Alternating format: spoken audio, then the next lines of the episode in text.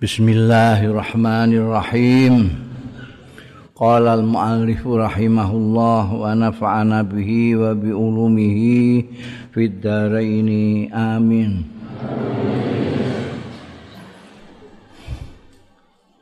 An Safwan bin Mukhrizin al-Mazini qala ngendika Bainama ana amsi nalikane ana ingsun amsi kurumaku sapa ingsun ma'a ibni Umar sartane sahabat Abdullah bin Umar radhiyallahu anhuma akhizan biyadih.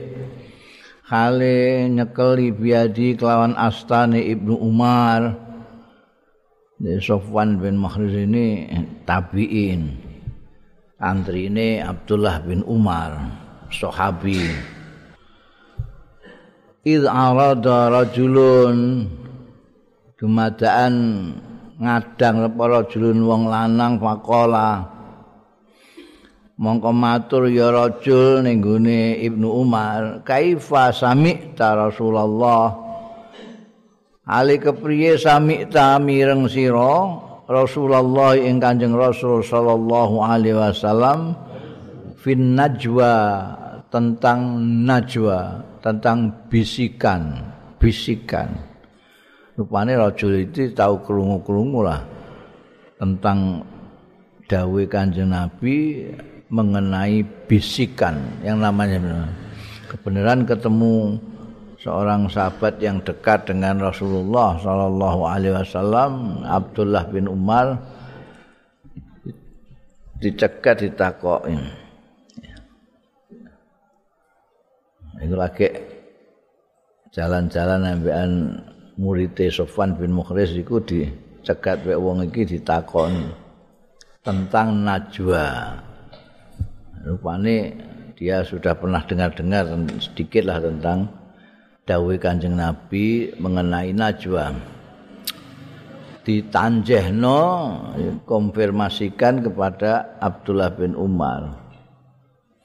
Faqala mongko ngendika sapa Abdullah bin Umar Sami'tu Rasulullah mireng sapa ingsun Rasulullah ing Kanjeng Rasul sallallahu taala alaihi wa alihi wasallam. Yaqulu ingkang dawuh ya Kanjeng Rasul sallallahu taala alaihi wa alihi wasallam innallaha sak temene Gusti Allah iku yudni marekake sapa Gusti Allah al mukmina ing wong mukmin fayadau mongko nyelehake alaihi sapa kanjeng sapa Gusti Allah alaihi ing atase mukmin kana fau ing aling-alinge. Aling-alinge mukmin payasturuhu mongko nutupi sapa Gusti Allahu ing mukmin. Payakulu mongko ngendika sapa Allah taala ata'rifu zamba kaza? Wis ngenali ana to ngenali sira zamba kaza ing dosa ngene dosa iki ata'rifa dzamba kaza. Ana to ngerti sira. Niteni sira dzamba kaza ing dosa iki dosa ngene. Kaya kulo mongko jawab sapa mukmin naam nggih. Naam e rabbi nggih duh pangeran kula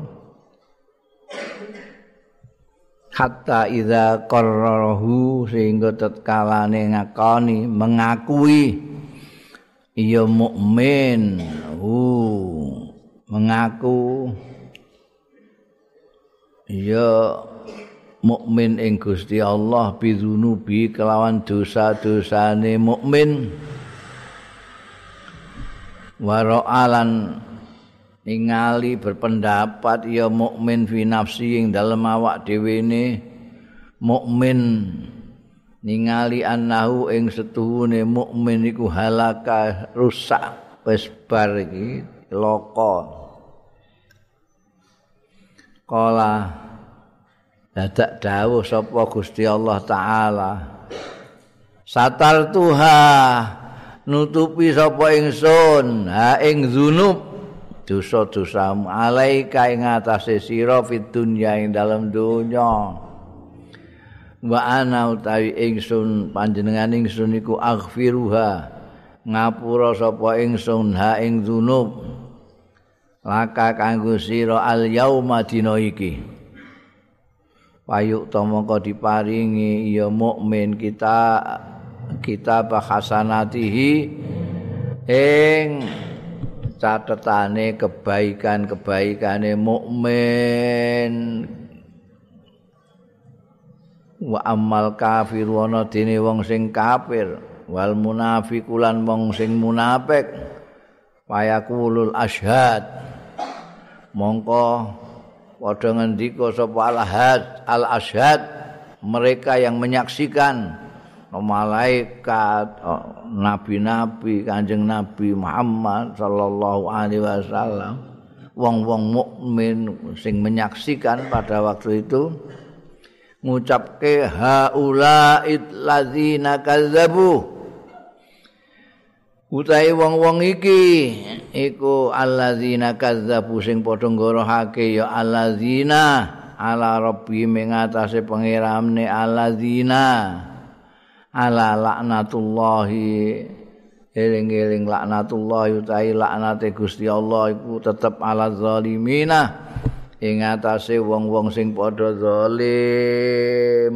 Sing dimaksud zalim ya kafir munafik bang iku.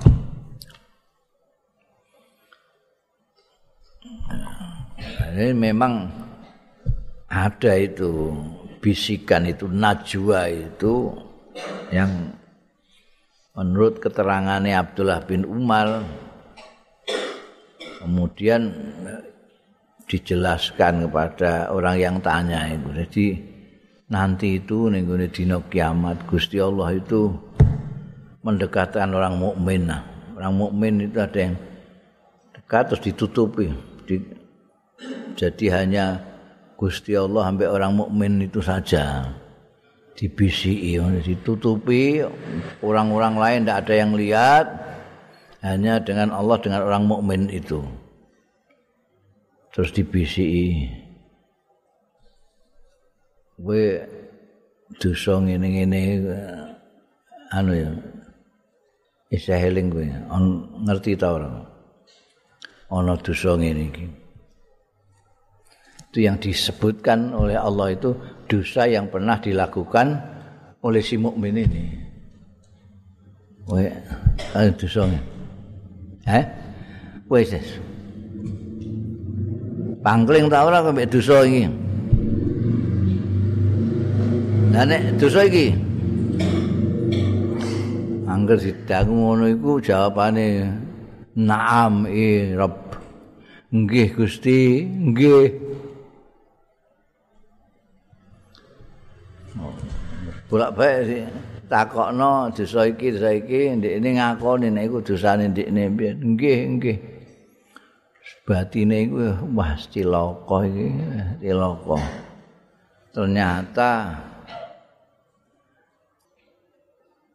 ora diabaikan begitu saja. Ini didangu Gusti Allah mateng aku ngono. Batine ra afi nafsi ana walakis mateng aku semua bongki aku iki bongki. Eh dosa-dosaku tak diijil satu sepersatu ngene wek Gusti Allah masyaallah. Untungnya ditutupi tabir gak roh marotuaku barang gak roh ditutupi. Dadaan Gusti Allah dawuh ngene ya kowe biyen kowe nglakoni iki gak ono sing roh ning donya kowe nglakoni iki gak ono sing ngerti mergo tak tutupi kok tak tutupi. Saiki tak ngapura. Lho, Gusti Allah ku ya mbek wong mukmin itu kaya ngono iku. Wis iki Catatan kebaikan-kebaikannya itu disampaikan. Setelah ngakoni ya, biyen tau nggawe dosa iki, nggawe dosa iki, tapi ditutupi karo Gusti Allah. Mulane wong-wong do ndonga ya satir ya Rabb ya satir ya Rabb njaluk ditutupi. Ditutupi itu ditutupi Gusti Allah itu ada yang seperti ini jadi wong gawe dosa gak ana sing ngerah sing ngerti mak Gusti Allah tok sing pirsa iku ditutupi gak ana sing ngerah tapi ana sing tingkat tinggi bangsane wali-wali iku ditutupi Gusti Allah iku tegese digawe Gusti Allah ora ngakoni dosa. Oh. Otomatis ketutupan gak ana dosane blas. Ya menurut sufi itu ditutupi dosane iku artine ora nglakoni dosa. Nek sak ngisore iku iki ya iki kaya iki. Jadi nglakoni dosa ora ana sing roh. Ya. Iku ning kono dawuh Gusti Allah saiki tak ngapura. Wong apike Gusti Allah karo wong mukmin itu ning gone donya ditutus ditutupi dosa-dosane ning gone akhirat di ngapura dosa-dosane. Mulane sing paling gedhe iku dosa iku nek ditutupi Gusti Allah dikandak-kandakno. Iku dosa gedhe. Jadi kue dosa nglakoni dosa ditutupi karo Gusti Allah. Tapi terus mbok tulis ning Facebook. Wah aku dosa ngene gak konangan wong. Ya Allah, seger e gak karuan. Wah iku dosa gede. Ditutupi Gusti Allah, mbok eder-eder. Nah. Iki ditutupi Gusti Allah mergo dikasih mek Gusti Allah ora diketok-ketokno. Ya. Wong kok diketokno kabeh ya gak ono sing apik, gak ono sing apik. Ono dosa-dosa yang tersembunyi tidak diketahui orang lain kecuali pelakunya sendiri dan Gusti Allah. Kayak kaya iki. Ini bisi Gusti Allah. Teng gambarno kaya-kaya nggih tak kandhani kaya. Ya, tutup tabir bisi. Eh. Eh, eling dosa iki. nggih kan nggih saiki nggih dipeleh-pelehno eh tenang ae kumbien tak tutupi aku tutupi saiki tak ngapura kosok wang sule. Nek wong kafir wong munafik wong kafir sing blas ora percaya Gusti Allah. Ngorohno tentang adanya Gusti Allah. Munafik cangkeme muni percaya jero ne ora percaya karo Gusti Allah. Dua-duanya ini engko wong-wong wis do ya iki lho iki lho wong-wong iki lho sing gorohno pangerane iki sing gorohno pangerane Kumpul dilaknati Gusti Allah Gusti Allah atas wong-wong sing zalim orang-orang kafir orang-orang munafik itu disebut zalim ning Quran disebut zalim sering juga orang musyrik zalim. Kenapa zalim? Bisa juga karena dia menganiaya dirinya sendiri. Mestinya nek ini iman, dia itu menyelamatkan dirinya sendiri. Tapi kalau dia kafir, sementara sudah diberitahu bahwa dia kalau kafir akan begini, nasibnya akan ciloko, dia kok masih ke situ berarti dia zalimi dirinya sendiri. Nah, wali aneh karo orang film nek kafir iku wali aneh wong muslim nek munafik wali aneh wong mukmin. Ya wong islam iku ana sing munafik ana sing mukmin. Ya. Sing muslim iku sing ana sing njaba tok kaya jenenge munafik ana sing njaba jero jenenge mukmin. Sing mukmin dikasih Gusti Allah seperti itu yang kafir dan munafik wah sudah dilalati injet karo wong akeh. Malaikat-malaikat banget ngerti kabeh. Lho wong sing gorono pangerane Bundel babul muslim akhul muslim yuawinuhu wa yuwasihi Bab wong Islam iku akhul muslim dulure wong Islam liyane yuawinuhu al nulung iya muslim ing akhuhu wa yuwasihi lan saling ya meh padha yuwasiku saling menghibur saling menghormati saling menyayangi orang muslim itu wong dulur kok orang muslim itu akhul muslim yuawinuhu wa yuwasihi wa anhu lan saking Ibnu Umar ya Nek mau Safwan bin Mukhris itu kan tabi'in. Aidan harimane anna Rasulullah satune Kanjeng Rasul sallallahu taala alaihi wa alihi wasallam qal. Mendika sapa Rasulullah sallallahu alaihi wasallam al muslimu akhul muslimi utahe wong Islam iku dulure wong Islam. Dadi layat limuhu ora kena ngani ngoyo ya muslim ing akhahu. Muslim. Dulure kok dianiaya. Wayal wala yuslimu lan ora nyerahno sapa muslim ing akhuhul muslim nyerahno iku tegese dibiarkan saja ditabuki wong yang jalno ae. Eh? Dianiaya wong ya meneng ae.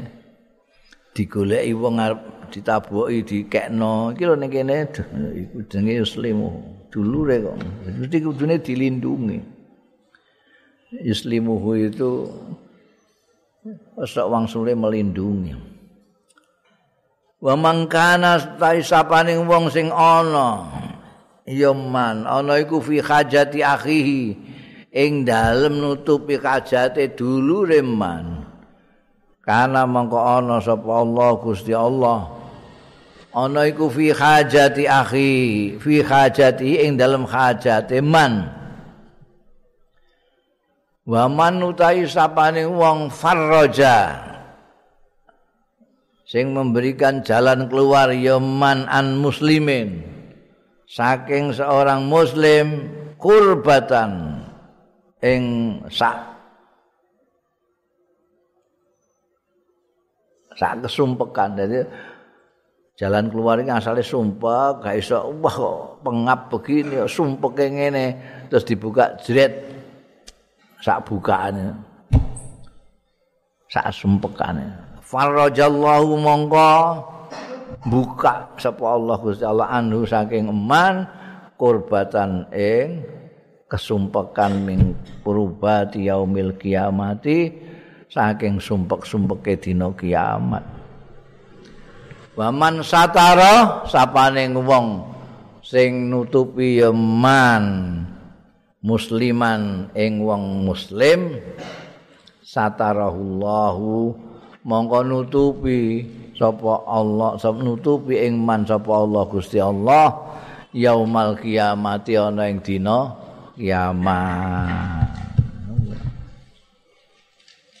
Iki hadis iki sahih banget iki tapi kok wong-wong Islam iku mbah gak maca apa gak anu arang-arang ustad-ustad koyo arang-arang maca iki penting padahal itu iki dawuhe Kanjeng Rasul sallallahu alaihi wasallam sing diakoni nabine, sing diakoni pemimpine, sing diakoni sebagai teladane, sing diakoni sebagai contohnya. Itu ndawuhke al muslimu akhul muslim. Islam siji ku dulure wong Islam yang lain. Jadi ora kena dizalimi. ana wong muslim kok zalimi wong muslim iku jenenge kuali udele.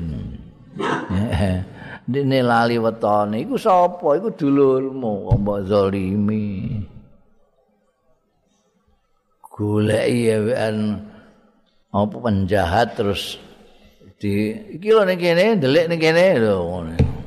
Wong mbek dulure kok ngono. Mesti kan dilindungi. Ngerti nek iku arep diperdaya ambek wong jahat iki. Mesti dilindungi ora kok yuslimu. Ini mestinya begitu orang muslim satu dengan yang lain. Orang yang menutupi hajatnya saudaranya. Saudaranya pada-pada muslim itu sebagai saudara. Kok orang muslim ngantek kesengkek terus dibantu oleh muslim yang lain saudaranya nanti Allah taala akan membantu hajatnya. Ngono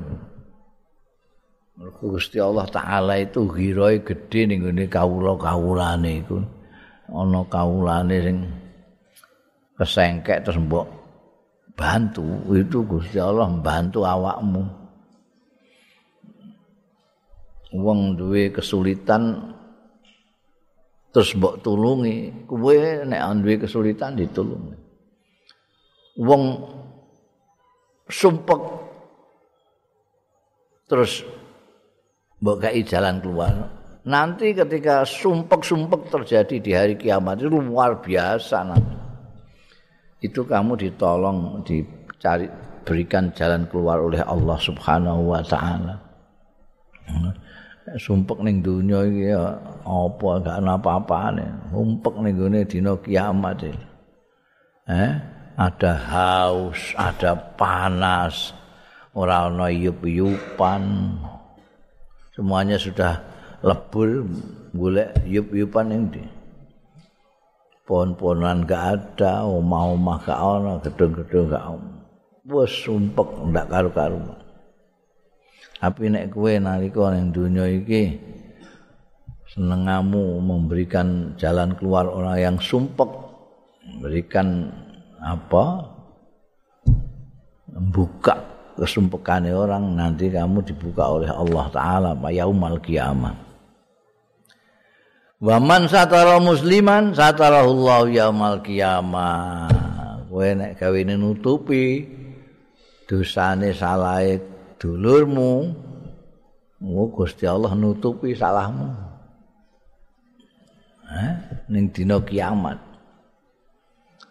Nutupi kuwi ora ngeder-ngeder. Saiki itu malah wali aneh. wali ane wong Islam mek wong Islam do saling membuka.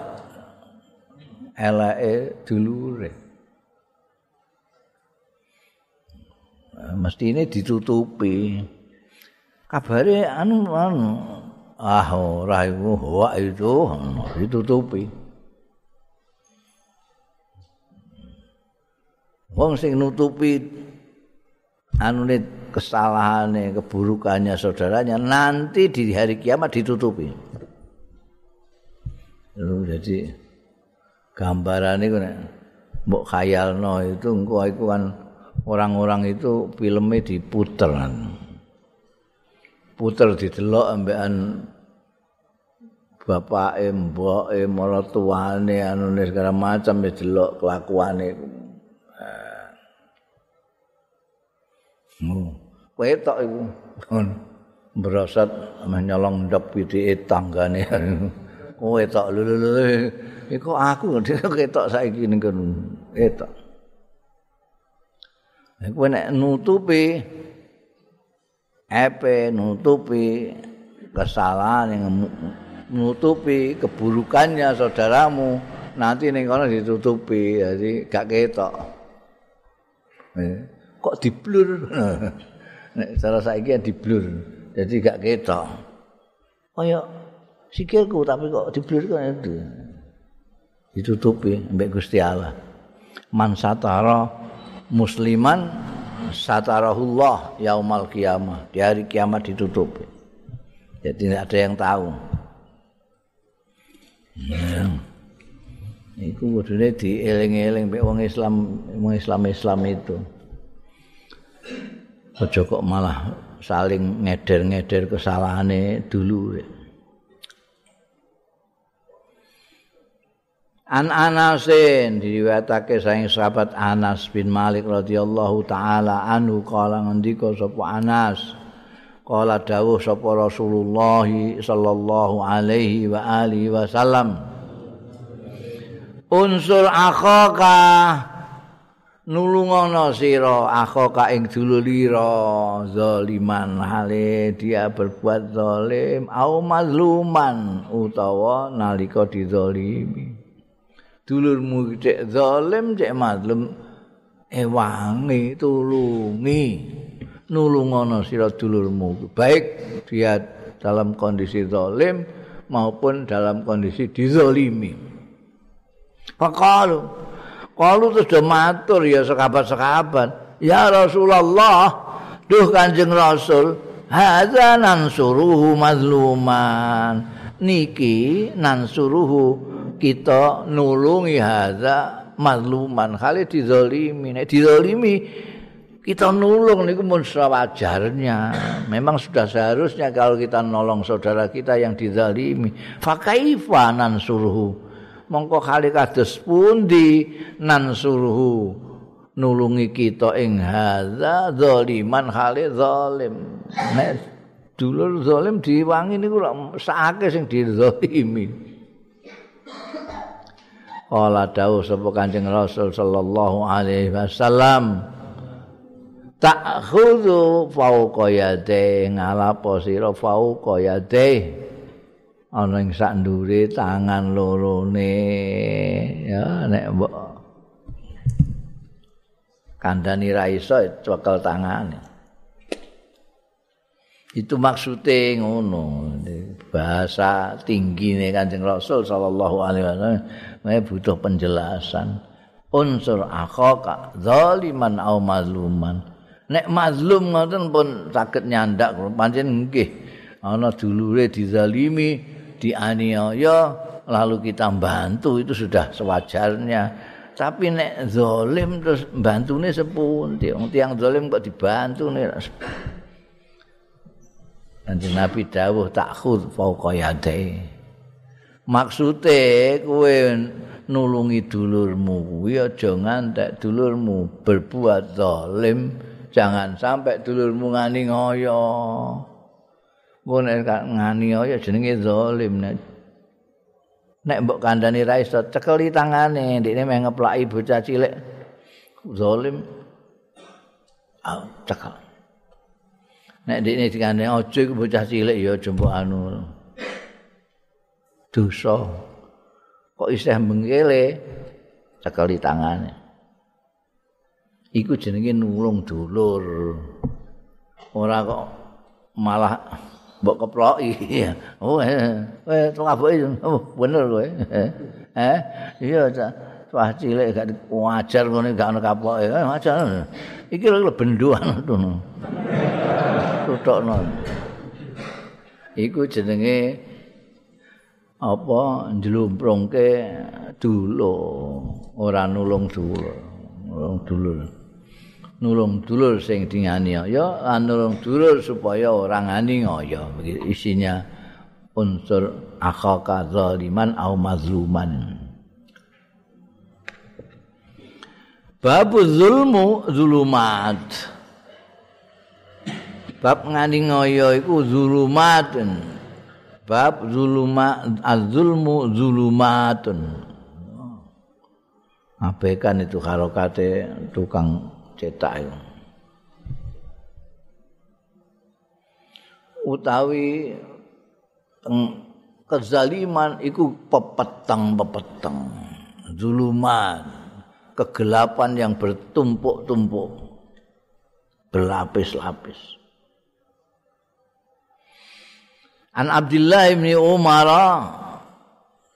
diriwayatake saking sahabat Abdullah bin Umar radhiyallahu anhuma anin nabi saing kanjeng nabi sallallahu alaihi wa alihi wasallam. Kala ngendika sapa kanjeng nabi sallallahu alaihi wa alihi wasallam az-zulmu zulumatun yaumal qiyamah. Utawi kezaliman penganiayaan zulumatun iku merupakan merupakan kegelapan-kegelapan tumpuk-tumpuke gelap yaumal kiamah ana ing dina kiamat Mergo peteng itu bisa bertumpuk-tumpuk, bisa berlapis-lapis. Contohnya peteng sing berlapis-lapis, gelap yang berlapis-lapis itu apa yang dialami oleh Nabi Yunus. Nabi Yunus itu diuntal iwak. Di perut ikan itu udah gelap sekali. Muka roh jopo. Ini belum ikannya di laut. Jadi sudah dua dua gelap ini. Pada waktu itu malam hari. Dah telu gelapnya itu. Terudan deras. Empat. Berlapis-lapis. Zuluman. Itu bayangannya itu gelap yang berlapis-lapis seperti itu. Jadi tidak hanya gelap tumpek peteng sitok tapi bertumpuk-tumpuk peteng. Nanti di hari kiamat orang yang suka zalim itu akan begitu. Berarti dosa gede orang yang menzalimi orang itu zalim. Oh, itu durung nek dipasotno didongakno karo orang sing dizalimi wingi itaki dakwatal mazlum tidak ada hijab antara doane mazlum karo Gusti Allah taala. Di akhirat nanti itu gelapnya berlapis-lapis. Nah apa? Sebab biasanya wong sing zalim itu mesti orang takabur, mesti sombong. Sing dizalimi mesti lebih lemah dari dia. Tidak bisa dia mendolimi orang yang lebih kuat kan tidak bisa. Biasanya ya penguasa terhadap rakyatnya, majikan terhadap buruhnya, eh? guru neng murid, kiai mbek santri ono santri ngeplaki kiai, kawan, kiai ngeplaki santri, biar iso, hmm? itu zalim, nek gak ono salah, gak ono apa terus mbok keplaki belum kepokok Jare ini cung plok Iku zalim. Zalim itu bisa mbok maknani ngawur tuh. Ya, zalim. Kosok wangsule adil, kosok wangsule zalim itu adil. Adil itu jejak. Jejak itu ya pas apa harusnya. ini orang harus dihargai sebagai orang, ini manusia dihargai sebagai manusia. Ini wong tua diregani sebagai orang tua, ini disayangi sebagai anak muda itu. Nek wong tua mbok pisoi zalim. Tahci sing enom mbok tabuki zalim. Mulane al imamul adil itu besok dipayungi penguasa yang adil itu nanti dipayungi nih yaumil kiamat termasuk tujuh jenis orang yang dipayungi pada hari di mana tidak ada payung selain payungnya Allah. Al imamul adil. Nah, saya sering mengatakan kalau penguasa pejabat itu ndak usah kakean wiridan. Oh itikaf bersubuh ngate zuhur barang ku usah malah saake rakyat ya. Urusan goleki camate lagi itikaf yang penting adil wis dipayungi. Al imamul adil. Nah, kadang-kadang kekuasaan itu memang menjurus kepada korup menjurus kepada sewenang-wenang karena kekuasaan mulane wong kepengin dia kuasa itu. Berpolitik praktis itu kan maksudnya kuasa. Kuasa itu bisa ngatur ngene iso ngatur ngono. Tapi kalau tidak untuk rahmati Gusti Allah dia lalu sewenang-wenang mentang-mentang punya kewenangan. Eh? Terus sak karepe dhewe. Tidak adil gini ambek kerabate kancane dimakmurno sing ora sengsarakan itu. Bahwa itu nanti di sana ketok bagaimana dia kebulet karo zulumat nggak ketok ngantekan kowe. Yo iki biyen penguasa yang zalim. Sekarang gelap gulita ndak bisa di buka. Bisa ana gelap ini buka ana bisa ana gelap ini. Weteng dedet. Ya. itu ganjaran biyen menzalimi orang banyak Babu mangkana lahu mazlamatun indar rajuli fahallalahu lahu. Bab man wong kana kang ana lahu kedue man apa mazlamatun. Mazlam kesalahan perilaku zalim indar rajuli ana ing sandinge wong lanang fahallalahalahu mongko njaluk halal ya man ha ing mazlamah lahu kanggo man.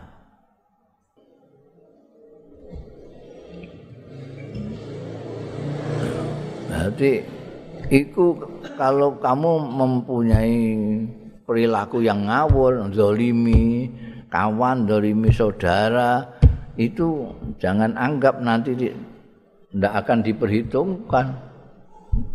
Nanti di akhirat diperhitungkan. Di samping itu tadi ada ancaman zulumatin. Itu nanti kalau orang yang kamu zalimi itu enggak eh, nerima no. Itu jadi masalah nanti.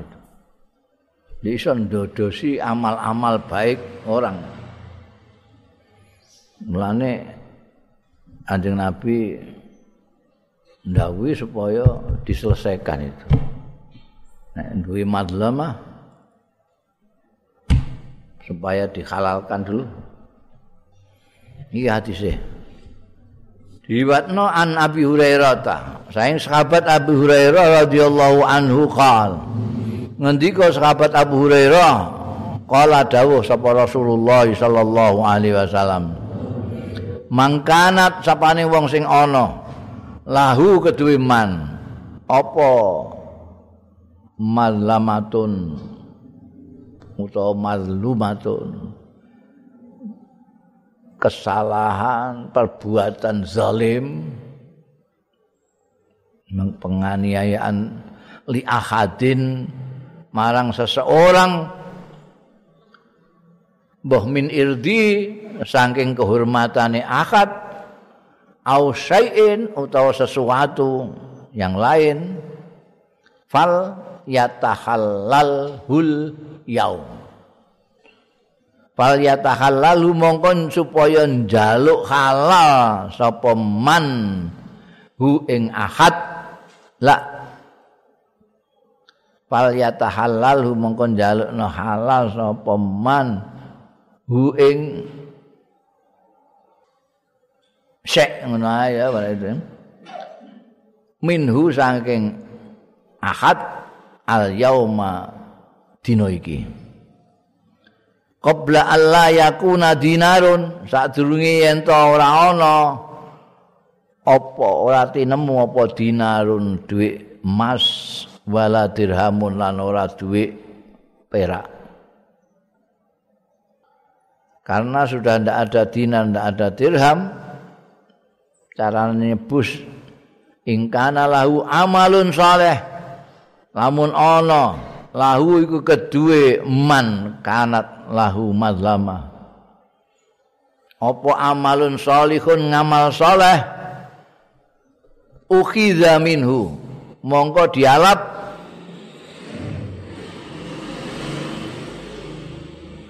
Iya amal soleh minhu saking man biqadri mazlamatihi seukur kezalimane man kesalahane man perbuatan zalime man. Wa illam yakun lahu hasanatun lan lamun ora ana lahu keduwe mangkanat apa hasanatun? Kebagusan-kebagusan belas. Ukhidha mongko dijupuk dialap min sayyiati sahibihi saking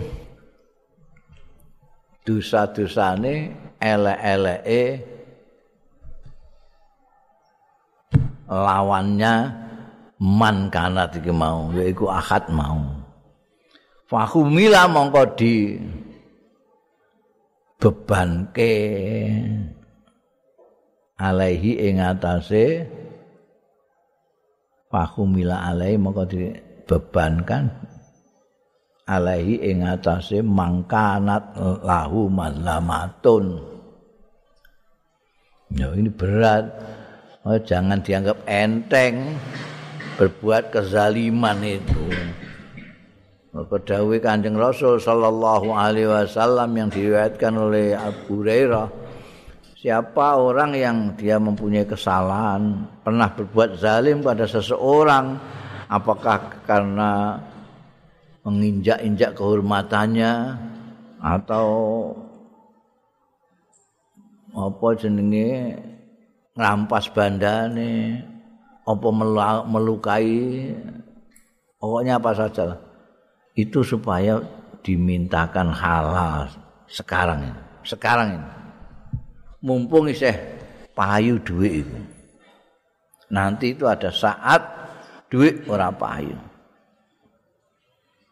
Jadi kue nek saiki iseh duit payu kue duit kesalahan. Tahu ngaploki wong mbok jaluki ngapura ra gelem mbok amplopi isih kemungkinan gelem. Eh bar mbok kaploki terus mbok jaluki ngapura meneng ae. Kayak amplop kok isih meneng ae? Tambahi amplope dikandeli. Wis wis ya wis aja dibaleni yo ngono. Kok sana amplop isih payu menyebel kesalahan-kesalahan itu bisa mbok sogok wong ini kesalahan bisa ditebus. Tapi nanti gak ada gak ada model-model itu karena duit wis gak ono karena duit gak payu duit emas duit dirham dan pemenah duit kertas itu ora payu kabeh nek kepengin jalan halal ya saiki mbok tebusi nganggo apa? Kula gadah ngamal soleh. Sepiro ngamal solehmu? Sembayangmu piro? Sedekahmu piro? Kira-kira bisa nutup apa orang?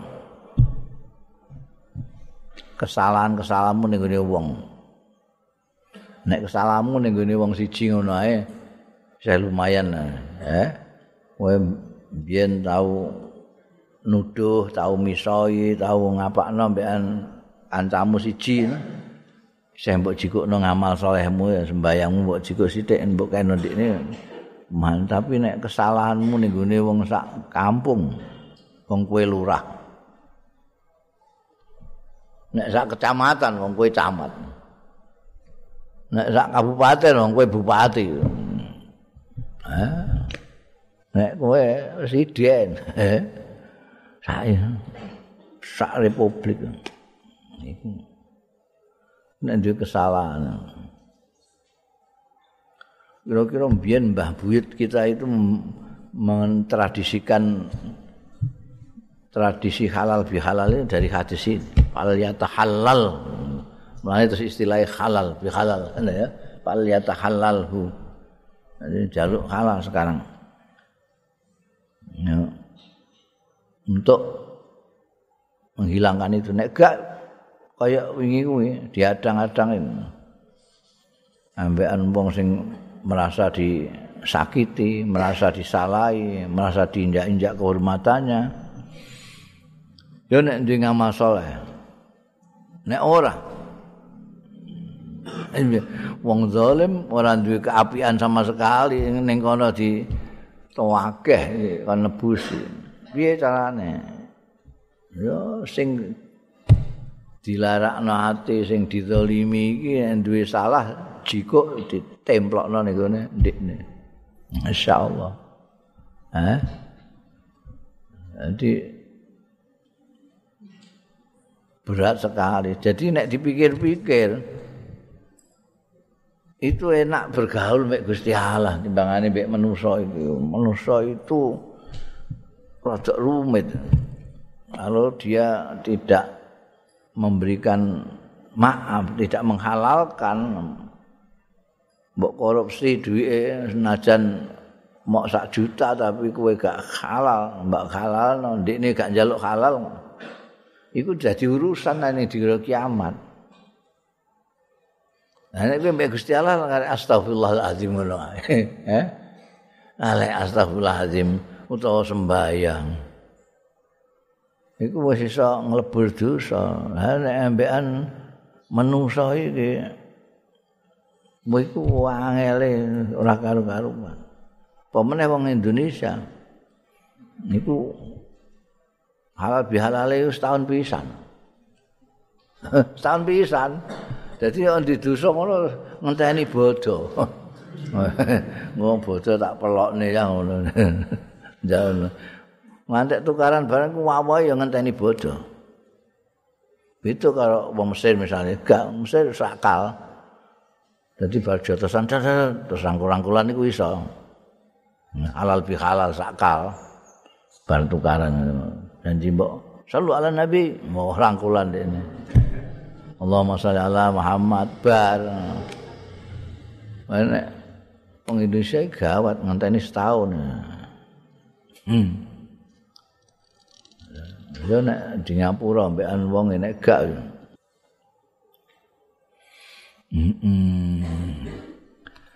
Bundel babu ismu man zalama syai'an minal ardi wallahu a'lam.